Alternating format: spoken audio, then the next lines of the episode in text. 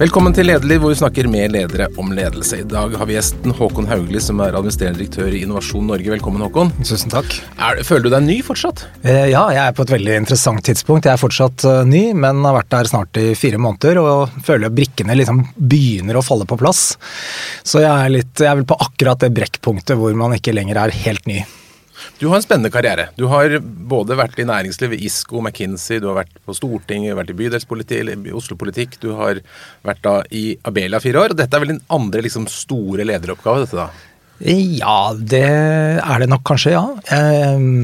Jeg har eh, egentlig jobbet i næringslivet hele livet, men med unntak av da fire år på Stortinget. Og jeg har hatt eh, lederoppgaver i Gjensidige bl.a., som var også store, krevende organisasjoner. Men, eh, men, jeg har jo bare vært administrerende direktør to ganger, mm. og dette er den andre gangen. Gjør du noe annerledes nå enn forrige gang? Um, ja, jo, altså Organisasjonen er veldig ulik. Kompleksiteten i Abelia den lå på utsiden av organisasjonen. Det var et ganske lite sekretariat kan vi si, med 30 ansatte, men 2500 medlemsbedrifter. og Det å forstå dem og omsette deres behov i tjenester og eh, politiske forslag, det er komplekst. I Innovasjon Norge er det vel nesten motsatt. Det er styringsstrukturen og oppdragene og organisasjonen som gir kompleksitet. Og selvfølgelig er det en mye større eh, større volumer, mange flere milliarder å holde styr på. Hvor mange er det? Ja, Vi får eh, fra myndighetene hvert år rundt fire milliarder. Vi deler ut syv. Forskjellen på det er jo lån, for altså de tilbakebetales. Og de igjen genererer rundt 21 milliarder av eh, totale investeringer i næringslivet. Så det vil si at én krone fra Innovasjon Norge utløser to kroner i eh, privatkapital. Eller utløser, det kan saktens diskuteres da om det er kausalitet eller korrelasjon, men det gir i alle fall en eh, Det matcher da to, to eh, private kroner. Mm. Og Dere har en ganske stor oppgave. altså Dere er jo et særlovselskap som eh, siteres med det formålet å øke innovasjon i næringslivet over hele landet, bidra til å utvikle distriktene og profilere norsk næringsliv og Norge som reisemål. Det er liksom en svær oppgave? Absolutt. Og Innovasjon Norge er resultatet av mange fusjoner opp igjennom. Fra banker, Statens reiselivsråd, Eh, Statens distriktsutviklingsfond, som det het på slutten. Så det er, det er stor, eh, stor, eh, variasjon i oppgavene, men det koker egentlig ned til tre mål. Flere gode gründere, flere vekstkraftige bedrifter og innovative næringsmiljøer i hele landet. Og det med hele landet er viktig. Vi har et viktig eh, oppdrag med å sikre at Norge har eh, næringsliv og bosetting i hele landet. Og det er vel en sånn oppgave som si, alle blir aldri fornøyd? Nei, det er jo ikke riktig, men det er veldig mye av det vi gjør, tenker jeg. Det er jo, målet er å utløse effekter og eh, ikke en popularitetskonkurranse. Hvordan tenkte du når du skulle angripe den lederoppgaven? Så hva slags leder vil du være for Innovasjon Norge? Jeg lar meg inspirere av mange. da. Kristin Halvorsen har en gang sagt at uh, hennes styrke i politikken lå i at hun hadde godt humør og dårlig hukommelse. Og jeg er opptatt av at alt er ikke like viktig. Jeg også at det er uh, er eh, mange snakker om hode, hjerte og hender, og det er viktig i all ledelse. Jeg er veldig opptatt av skuldrene, ja, da. Og det å kunne børste støv av skuldrene, gå videre, eh, kunne trekke på skuldrene og tenke at dette er ikke det viktigste nå. Eh, og klappe på skuldrene og gi, gi ros og tilbakemeldinger til medarbeidere. Så det å bruke litt billedlig, da, selvfølgelig, skuldrene aktivt i ledelse og være åpen, lyttende og samtidig sette noe retning, det tror jeg er viktig. Eh, og min sånn visjon av en god organisasjon er en sånn fiskestime egentlig, som uten altfor mye instruksjon svømmer eh, koordinert i samme retning, fordi alle vet hvor vi skal. Og så eh, er den enkelte medarbeider autonom og har beslutningsmyndighet og fullmakter og tillit. Og så greier organisasjonen å levere fordi eierskapet ligger hos den enkelte. Er det stor forskjell på en organisasjon som er medlemsstyrt, sånn som Abelia, og en statlig, styrt, eller, ja, statlig styrt organisasjon? som Innovasjon Norge? Ja, så Formelt sett er det jo det. Abelia har jo en, eh, en styringsstruktur hvor medlemmene på en generalforsamling velger et styre som så ansetter administrerende direktør. Akkurat sånn governance-messig så er det hos oss slik at eierne uh, har en generalforsamling hvor, uh, hvor, det velges et styre som så ansetter administrerende direktør. Så i, sånn, rent sånn governance-messig kanskje ikke sånn kjempeulikt. Men i det vi gjør er det veldig forskjellig. vi får i Innovasjon Norge oppdrag fra ja, noen og 40 oppdragsgivere eh, som sender oss et brev hvert år med hva de ønsker at vi skal levere og hva vi blir, vil bli målt på. Og så må vi rydde da opp i det og finne ut hva betyr dette. Eh, mens eh, i Abelia er det en Det er mer et, hva skal vi si, et bedriftsdemokrati hvor eh, medlemmene, basert på de styringsstrukturene, prioriterer en retning eh, etter en avveining da, av ulike hensyn og behov. Så det er veldig ulikt. Så det er en slags påståevirksomhet dette her også? Du ja, det kan du si. Ja, det vil jeg ha. Så ganske avansert påståevirksomhet, men ja, men det er jo riktig at det er sånn. Det betyr at vi, sånn kan du si litt enkelt, har to sett kunder. da. Vi har de kundene som betaler, eh, oppdragsgiverne, og så har vi de kundene vi betjener, som er bedriftene. Mm. Hvordan eh, ble du, altså når, når var det du første gang skjønte at du var en ledertype? Ja, det, jeg vet ikke om jeg er det enda. Jeg vet ikke helt hva en ledertype er. Jeg har egentlig hatt lederansvar i mange sammenhenger helt fra jeg var i begynnelsen av 20-årene. Jeg ledet en frivillig barne- og ungdomsorganisasjon som drev med ungdomsutveksling, og det var jo litt tilfeldig eh, den gangen. Og, øh, men jeg syns alltid de lederoppgavene jeg har hatt, er gitt øh, frihet, mulighet til å påvirke, sette retning, og det er veldig motiverende å, å ha det fulle eierskapet til noe. Så det er kanskje det, der det ligger for meg. Er det noen ledere du har hatt som har inspirert deg og lært deg å være god leder? Ja, altså Jeg har jo lært noe av alle lederne jeg har hatt. Så kan man si på, på godt og vondt. Da. Jeg har jo hatt, vært heldig og hatt veldig gode ledere som har trodd på meg og bidratt til å gi meg muligheter. Og jeg har også hatt ledere som har gjort feil, som jeg har tenkt at sånn vil ikke jeg gjøre det. Um, og, det, jeg, og vi skal nevne enkelteksempler, Min aller første leder, Jens Petter Heierdal i Isco Group, og lærte meg enormt mye om både næringslivet, men også om uh, hvordan mennesker uh, er og fungerer. Det har kommet til stor nytte senere, og trodde på meg og ga meg oppgaver. Så var jeg en periode i McKinsey, jeg hadde også kjempeflinke ledere der. Eh, I politikken har jeg også latt meg inspirere av sånne folk som Martin Kolberg, som, eh, som er en eh, utrolig sammensatt og flott fyr. Og, og, i Abelia har jeg hatt to kjempegode styreledere som har sittet med veldig tungt styreansvar, henholdsvis da i Telenor, Einar Kårhus, og i Sveko, Grete Aspelund. Alle de har tilført meg veldig mye både som menneske og, og fylt opp verktøykassa som leder. Så du, Kan du sammenfatte hva slags leder du ønsker å være? Har du et idealbilde av deg selv som leder? Nei, ja, det er, altså, det er, Man snakker om Joharis vindu. Vi har alle sånne blind spots, da, det vi ikke ser selv, og, men som omverdenen ser. Og det, det, er jo fullt innforstått med at jeg har, jeg også. Jeg øh, tenker i hvert fall på ledelse som et stort øh, ansvar. Du må gjøre det som er riktig, også når det krever at du gjør vanskelige ting som er vanskelige. Og tørre å ta de vanskelige beslutningene, men sikre at det er gode prosesser eh, rundt det. Og det tror jeg veldig på. Åpenhet, eh, eller transparens da, som dårlig dårlig norsk, men det å være helt ærlig på dine motiver. Involvere løpende, si det samme til alle og stå i det. Det, det er jeg opptatt av, og det baserer seg på erfaring jeg har hatt hvor det ikke har vært slik. Så jeg tror ikke noe særlig på hemmeligheter. Det tror jeg er veldig mm, lite tillitsbyggende som leder steder. Ehm, og samtidig er det jo informasjon som du må passe på når du gir, eh, for å ikke skape unødvendig usikkerhet og uro. Uh, og så er jeg opptatt av dette med skuldrene og den dårlige hukommelsen. At uh, la ting gå, slipp tak, gi tillit. og ikke blås deg opp over alle mulige detaljer. Det er interessant det du var inne på nå med Som leder så sitter man med informasjon, man ser ting fremover som kanskje ikke alltid ser så bra ut. Altså, skal man, hvilken grad skal man dele altså dette med å skape bekymring, entusiasme, hvis man tar du, du, har jo selv beskrevet det som bekymret optimist på, på, internett. Den bekymringen, hvis man begynner å ta det ut i organisasjonen, det kan være ganske farlig? Ja, det er veldig farlig. Altså Den er balansen mellom begeistring for prosjektet og bekymring, den syns jeg er sånn kjernedilemma i ledelse. Fordi du kontinuerlig går med begge de to. Og hvis du går for langt ut i begeistringen, så, så underslår du jo og frarøver eh, medarbeidere, og for så vidt også alle andre interessenter, vesentlig informasjon om hvordan ser dette egentlig ut Men går du for langt den andre veien og snakker eh, med store bokstaver om alle bekymringene, og enhver organisasjon har jo til enhver tid mange bekymringer, så mister du grepet om, om organisasjonen fordi du ikke evner å sette ord på prosjektet og retning og skape kraft. Eh, så igjen, da, jeg tror eh, det finnes ingen god resept på dette, men du, du er nødt til å vippe mellom disse to hele tiden og være ærlig på, på bekymringsbildet, men kanskje ikke kontinuerlig gå i det moduset hvor du hele siden på den ene siden på den andre siden. Noen ganger er det riktig å ta begeistringen helt ut og skape eierskap og, retning. Noen ganger er situasjonen slik at du må legge alle, liksom alle fakta på bordet og si dere eh, folkens, her har vi en utfordring vi er nødt til å løse. Så framfor å gå i, sånn, limbo hele tiden og vakle, så tror jeg på å velge arenaene og um, ta, og ha ærlighet og åpenhet rundt det. Du har jo mer enn de fleste innsikt i, i norsk næringsliv og norske næringslivsledere. Tror du det er mange som har mye bekymring? Er det mange våkne netter for norske ledere? Ja, for mange våkne netter. Det tror jeg. Eh, mange som eh, uroer seg for, eh, for, hva som ligger rundt neste sving.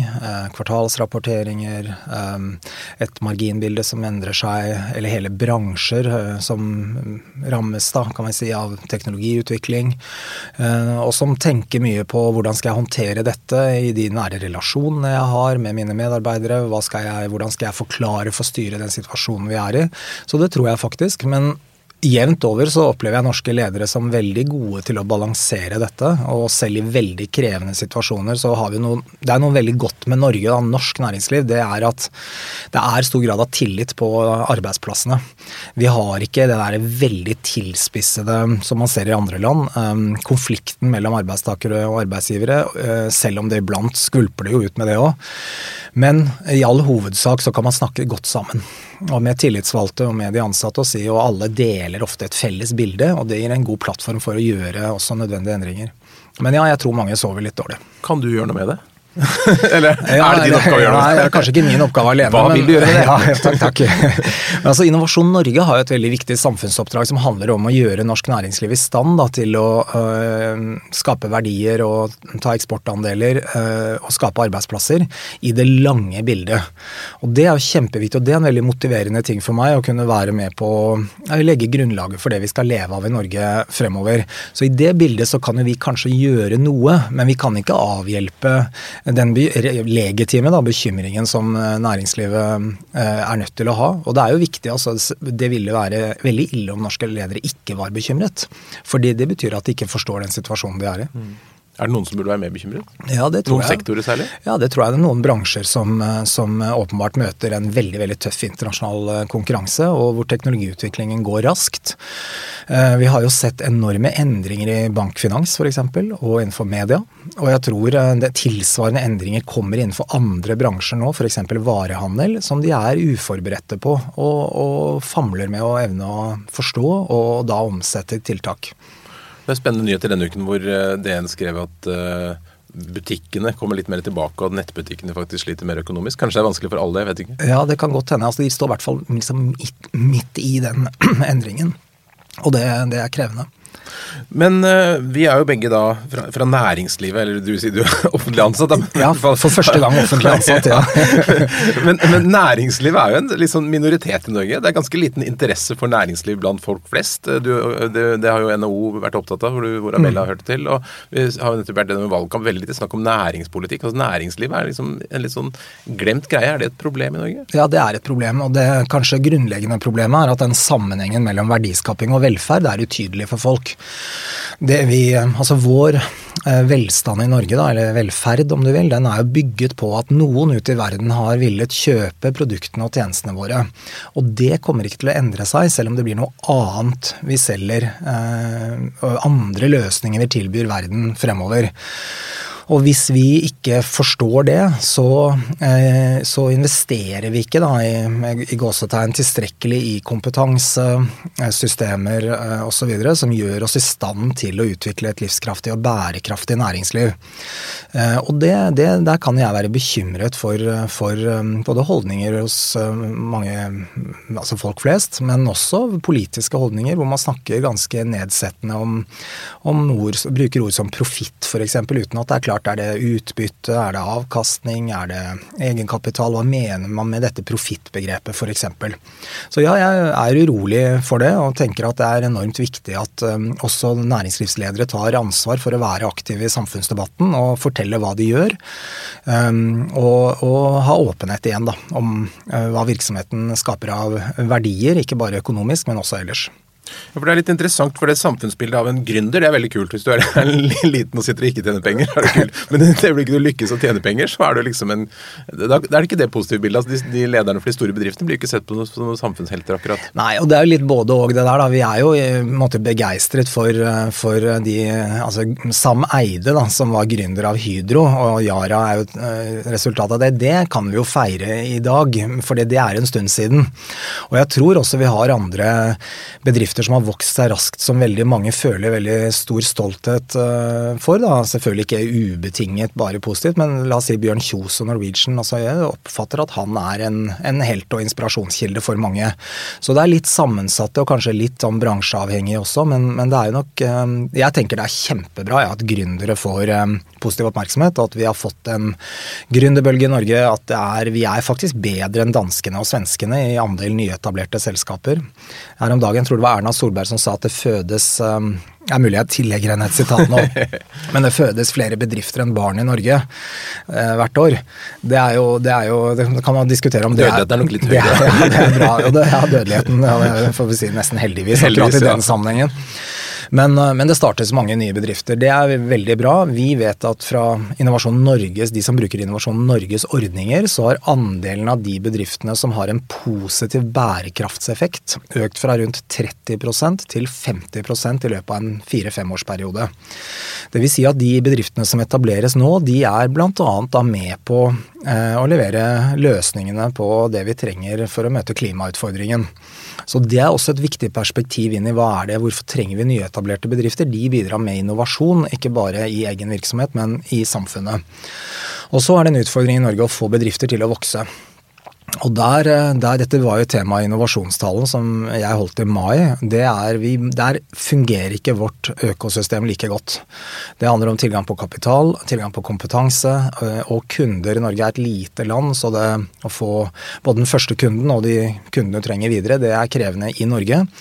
Og Det innebærer da som konsekvens at vi må bli veldig mye bedre på eksport og internasjonalisering. Eh, og vi er blant de landene som har tapt størst andeler, eller eksportandeler internasjonalt. Det temaet får veldig liten oppmerksomhet. Um, det er vel ikke siden Gro- og Kåre-debattene på 80-tallet vi diskuterte handelsbalansen og, og, det bytteforholdet med utlandet, hvor viktig det er også for vår velferd fremover. For Hvis de hadde så, tatt bort oljen, så hadde det sett veldig sørgelig ut her? Ja, det, men selv med oljen ser det ganske sørgelig ut på eksportandelen. Hva tenker du er løsningen? Det er å gjøre veldig mange ting, men vi må i sum etablere mange nye bedrifter og mange nye næringer som gradvis skal erstatte eh, de vi lever av i dag. Og så må vi selvfølgelig utvikle de sterke næringene vi har. Da er ille til å si det. Norge er f.eks. en kjempestor mateksportør. Vi eksporterer fisk eh, eh, til hele verden. Det skal vi jo fortsette med. Eh, sørge for at vi har bærekraftige måter å gjøre det på. Men vi vil også gjøre veldig mange andre ting. Og det som er fantastisk med Norge, er at vi mangler egentlig ikke naturressurser. Vi har masse å mm, ta i bruk, og vi har kompetanse fantastiske kunnskapsmiljøer som, eh, i, som, godt beskriver de mulighetsområdene. I Arendalsuka presenterte bare Sintef en lang liste med områder hvor Norge kan ta, ta globale posisjoner. Så, så, de, her er vi igjen, da, optimismen og ja. begeistringen og bekymringen. Men mange av de landene vi konkurrerer med, har jo ganske dårlig, mye dårligere arbeidsforhold, altså lavere lønninger og, og dårligere forhold for arbeidere enn det vi har. Absolutt. Klarer vi å opprettholde det, det, gode arbeidslivet vi har og fortsatt være konkurransedyktige? Ja, der er jeg faktisk ganske optimistisk, men det krever jo at vi er, at vi er best. Altså hvis ikke, hvis ikke, vi leverer noe som kan Altså vi må levere tjenester og produkter som har den prislappen de faktisk har. Eh, og det innebærer at vi både må ha effektive produksjonsprosesser, og det har vi noen fantastiske eksempler på. Da. Jeg kjenner jeg blir ivrig her, men Raufoss-miljøet, den klyngen der som driver med bl.a. produksjon av bildeler, de har jo hatt en produktivitetsvekst på noe sånt som 40% i løpet av noen år. Og der driver de helt hva skal vi si, tradisjonell industriproduksjon i Norge med vårt høye kostnadsnivå og har er konkurransedyktig på pris. Og Det handler om automatisering, det handler om effektive produksjonsprosesser. Eh, og selvfølgelig kompetanse. Det gjøres færre feil f.eks. i norsk produksjon enn i annen produksjon. Så dette tror jeg vi skal greie, men det er klart det er viktig. Men disse gründerne da, og, og mellomstore bedriftene som skal vokse og bli store, hva tenker du kreves av lederne i de bedriftene for å, for å, løfte bedriften sin? Ja, Det aller første og viktigste er jo at både styret og ledelsen vil vokse. og er, Der er det jo en veldig tydelig sammenheng. Vi har dokumentert den i en rapport nylig, som Menon gjorde. Og den viser at bedrifter som vokser, de har en ledelse og en, et styre som setter vekst på agendaen. Det, så det er viktig. Og så er det viktig at de har evne til å bruke fagmiljøer utenfor egen organisasjon. Bygge allianser ikke bare med leverandører og kunder, men eh, trekke veksler på utdanningsmiljøer, forskningsmiljøer, eh, andre bedrifter. Eh, kanskje inngå i klyngesamarbeid. Tenke godt rundt finansiering, egenkapital, lån. Så, så bedriftens evne til å navigere, og bedriftsledernes evne til å navigere utenfor egen organisasjon, tror jeg er vel så viktig som evnen til å navigere fungere innenfor egen organisasjon. Og der står vi kanskje ved et skift. Men det er en utfordring for mange, for den kalenderen blir ganske fort full? Ja, og det å bli styrt, sånn reaktivt styrt av kalenderen, det tror jeg er en veldig stor fallgruve for ledere. Så hvor tiden kontinuerlig er etterspurt. Og det er jo denne klassiske matrisen, det som er viktig og ikke haster.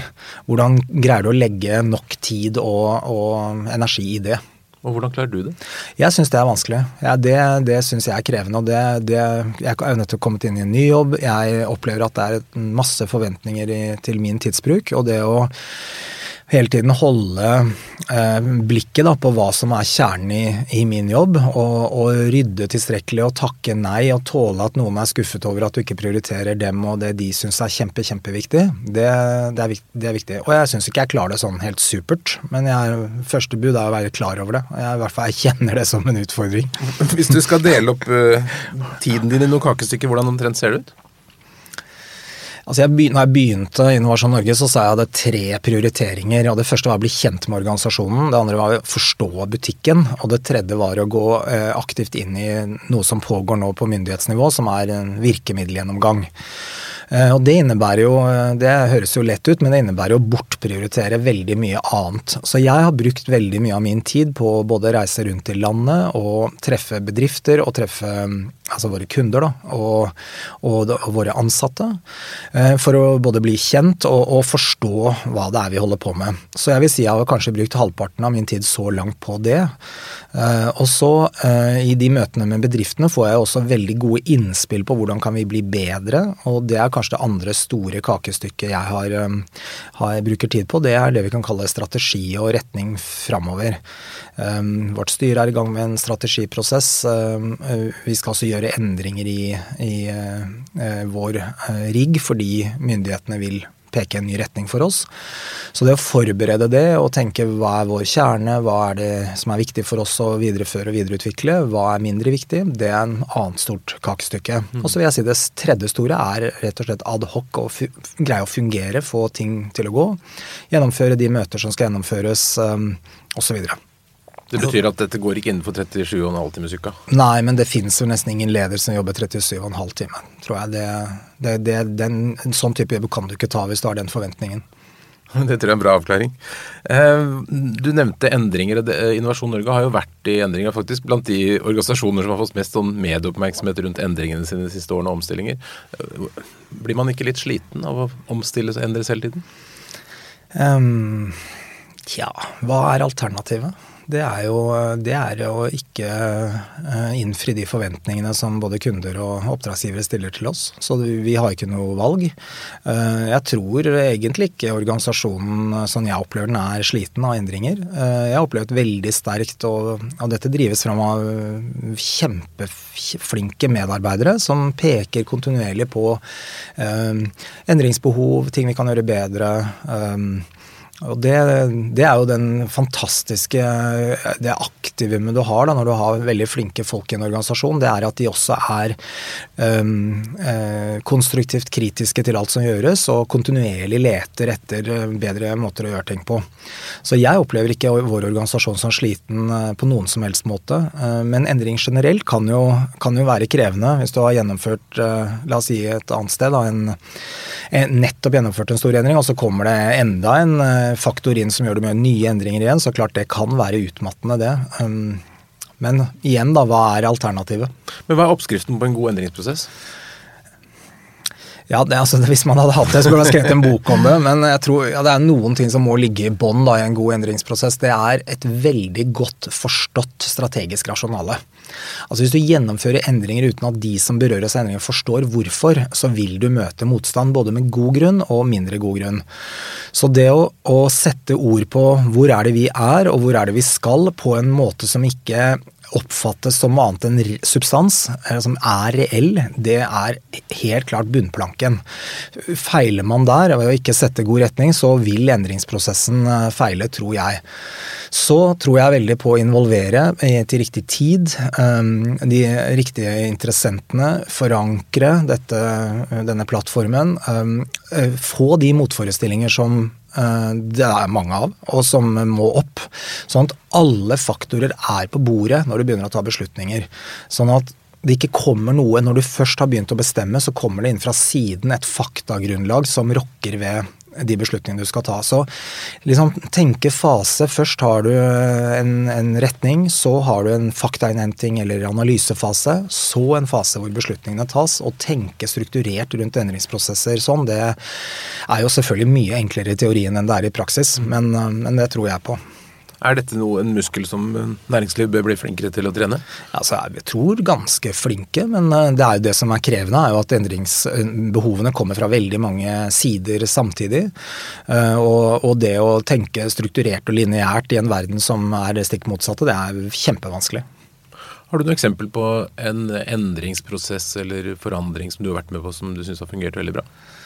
Ja, øh, jeg, var, eh, jeg, jobbet i Gjensidige, hvor vi gjennomførte et, eh, det vi da kalte et kundeorienteringsprosjekt, som egentlig var et, eh, også et digitaliseringsprosjekt. Hvor utgangspunktet var, var, veldig krevende, fordi vi hadde en organisasjon som var veldig godt trent i å håndtere store mengder informasjon i, på papirformat, og var kjempegode det vi kan kalle saksbehandlere, og som skulle snu seg rundt og tenke helhetlig rundt hele produktporteføljen. og bruke, eller ta i bruk nye verktøy.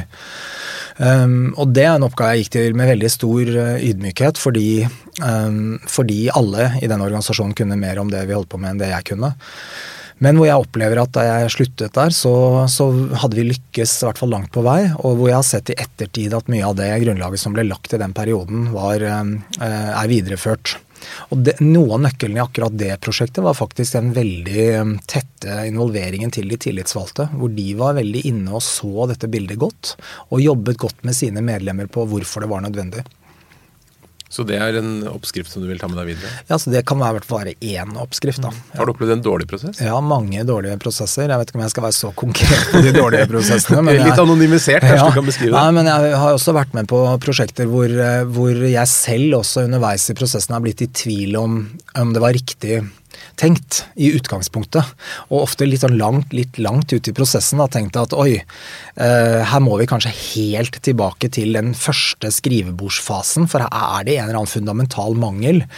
Eller hvor noen har kommet med innspill ganske sent i prosessen som kaster om på hele analysen. Eh, det, det, har jo både sånn personlig vært opplevd som veldig krevende, men hvor jeg også bare må erkjenne at vi, da har vi ikke lykkes.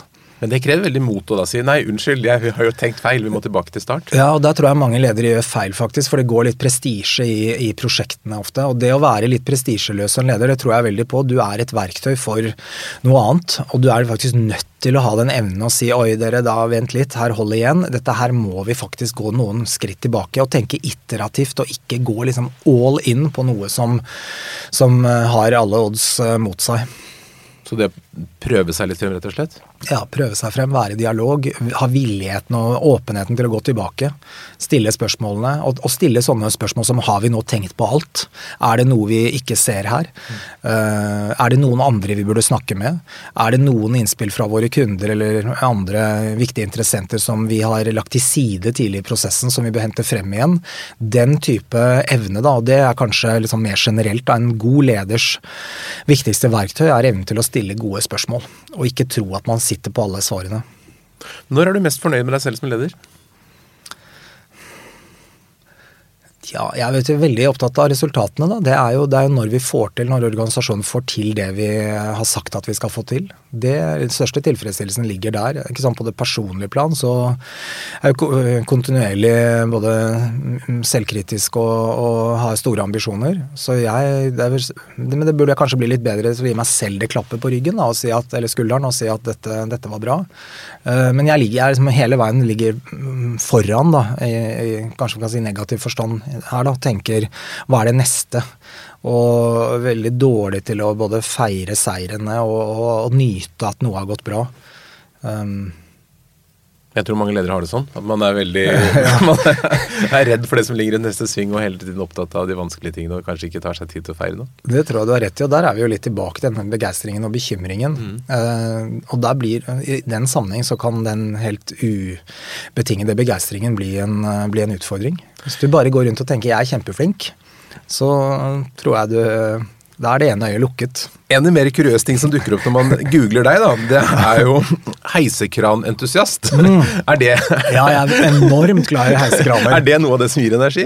Ja, veldig. Men altså, det er litt sånn, det er litt tull og litt alvor med det med heisekranene. Jeg, jo, jeg satt jo i byutviklingskomiteen i Oslo bystyre og var rundt omkring på veldig mange eh, anlegg, bl.a. Barcode, som vi nå sitter i. Um, og, og man oppfatte disse heisekranene som et veldig sånn sterkt symbol for at det skjer noe.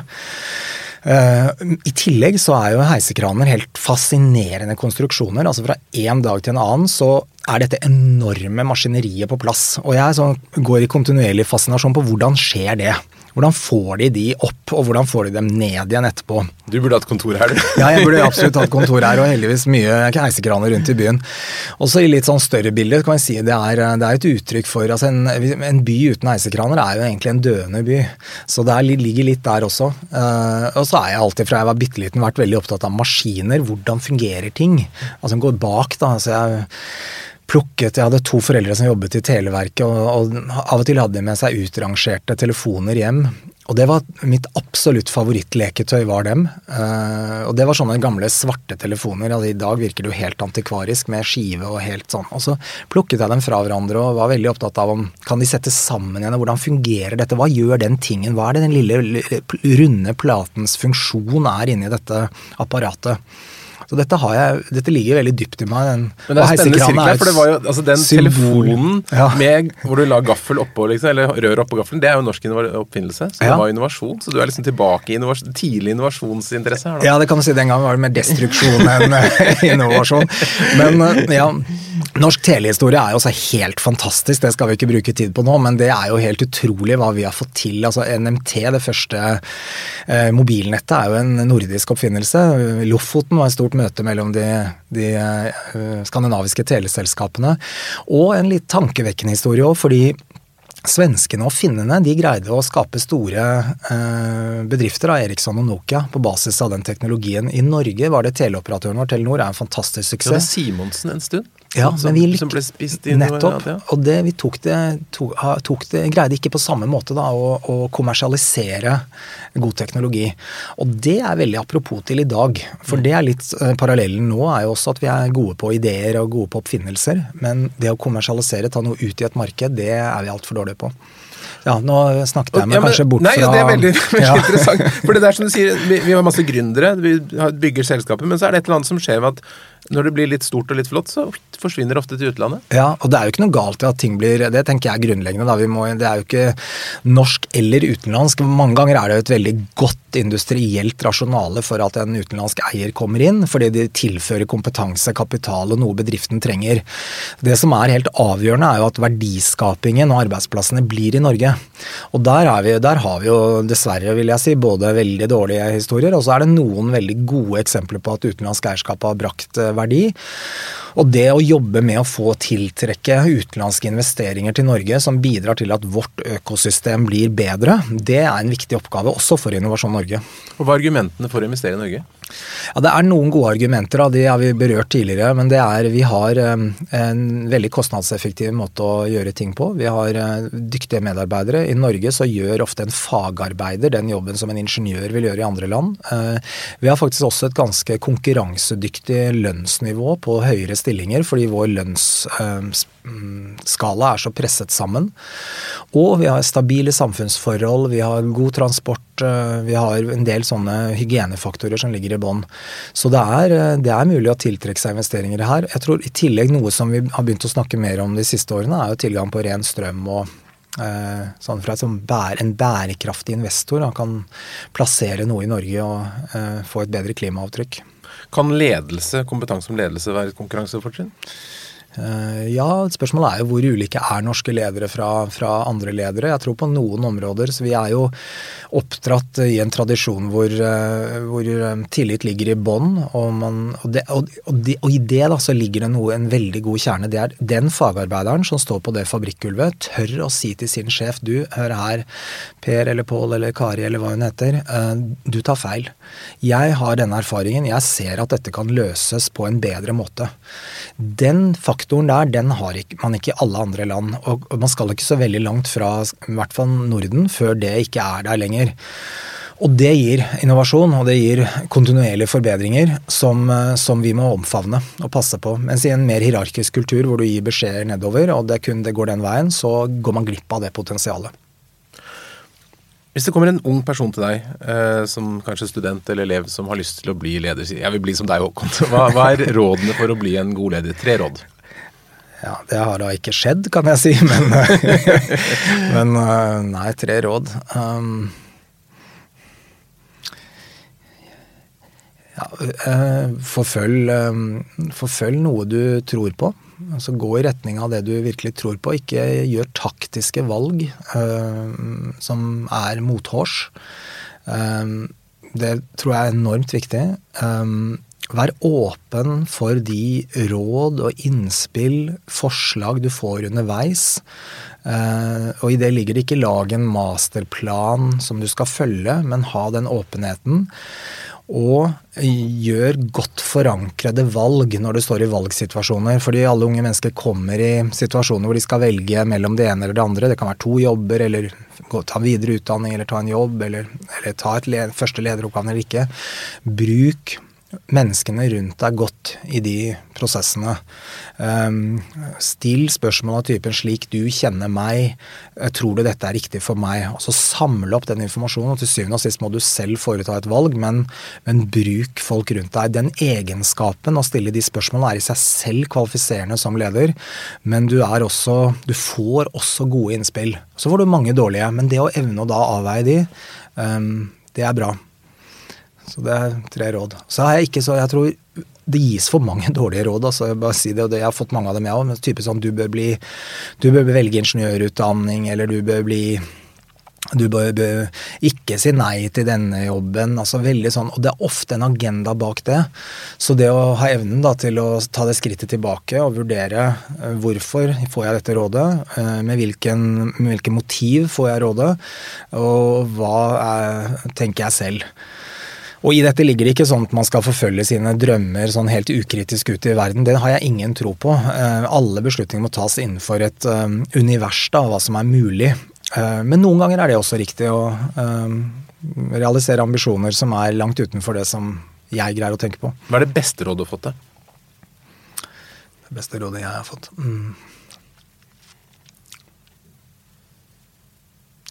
På et tidspunkt så fikk jeg råd om å gå Da hadde jeg vært i konsulentbransjen i åtte år.